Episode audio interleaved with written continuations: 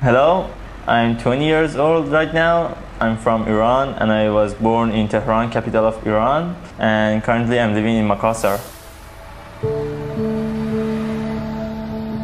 I left Iran with my family when I was still 13 years old for the problems that my parents were facing in Iran and we had to leave.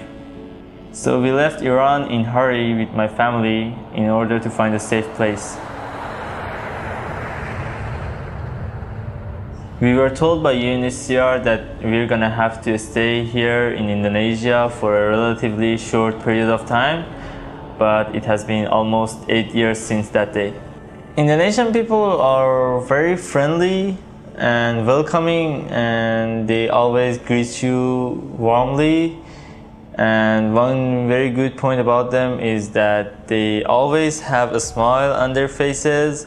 They greet you with a smile but one of the things that I've heard and witnessed a lot is that refugees tends to uh, hide their nationalities and identity from people. And when like for example they ask them where are you from?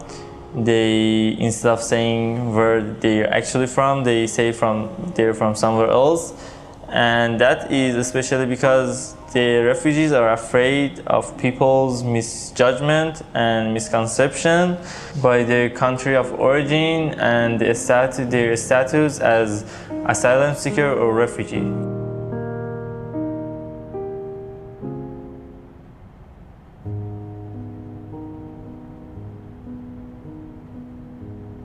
Personally, I have been treated differently by people when I am known to them by as a refugee or as a tourist. For instance, when I go outside and people come up to me and they say, uh, "Where are you from?" or "Why? What are you doing here?" There are two things that could happen if I say I'm I'm here for a vacation, they treat me in a good way as a tourist. But if I say that I'm a refugee, they instantly change their behavior and they, how they look at you, look at me, which is not a very good experience that someone could uh, endure or experience. I cannot blame people for how they react to this answer because it's not their fault and I know it's because they have not been given a proper education to how they should respond to a person who is a refugee. I mean, they have not been socialized with refugees and asylum seekers that are living in urban areas.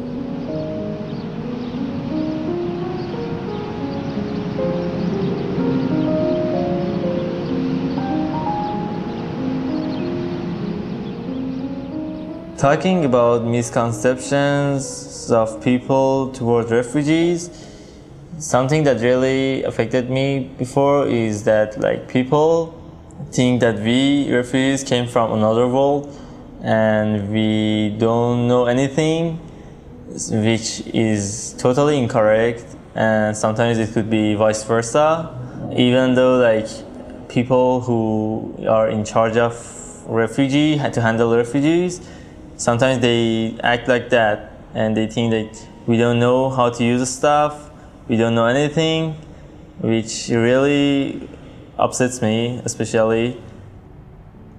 Another misconception that I encountered was that people, especially local people, uh, sometimes think that we as refugees have come here to steal their jobs, which is totally incorrect because like we don't even have the right to work in Indonesia.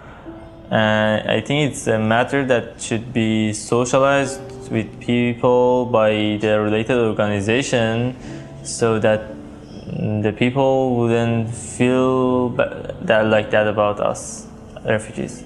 One more misconception which is also worldwide is that people think that refugees they don't have any skills or talent or any educations, which is also wrong because most of them had very good jobs, like some of them were doctors, engineers, or teachers, and Also some skilled jobs like tailors, carpenters, farmers. But because like they were forced to leave their country, they are not able to use their talents and skills to use in their jobs.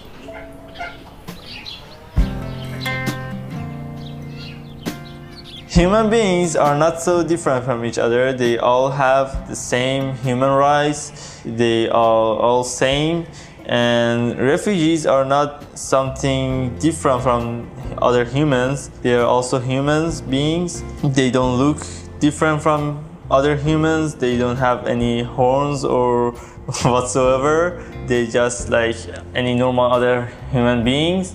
The only difference is that refugees are just people who had to leave their country because of the problems that they were facing in their home country, which it doesn't make any difference to them. This episode is supported by Sasakawa Peace Foundation Japan.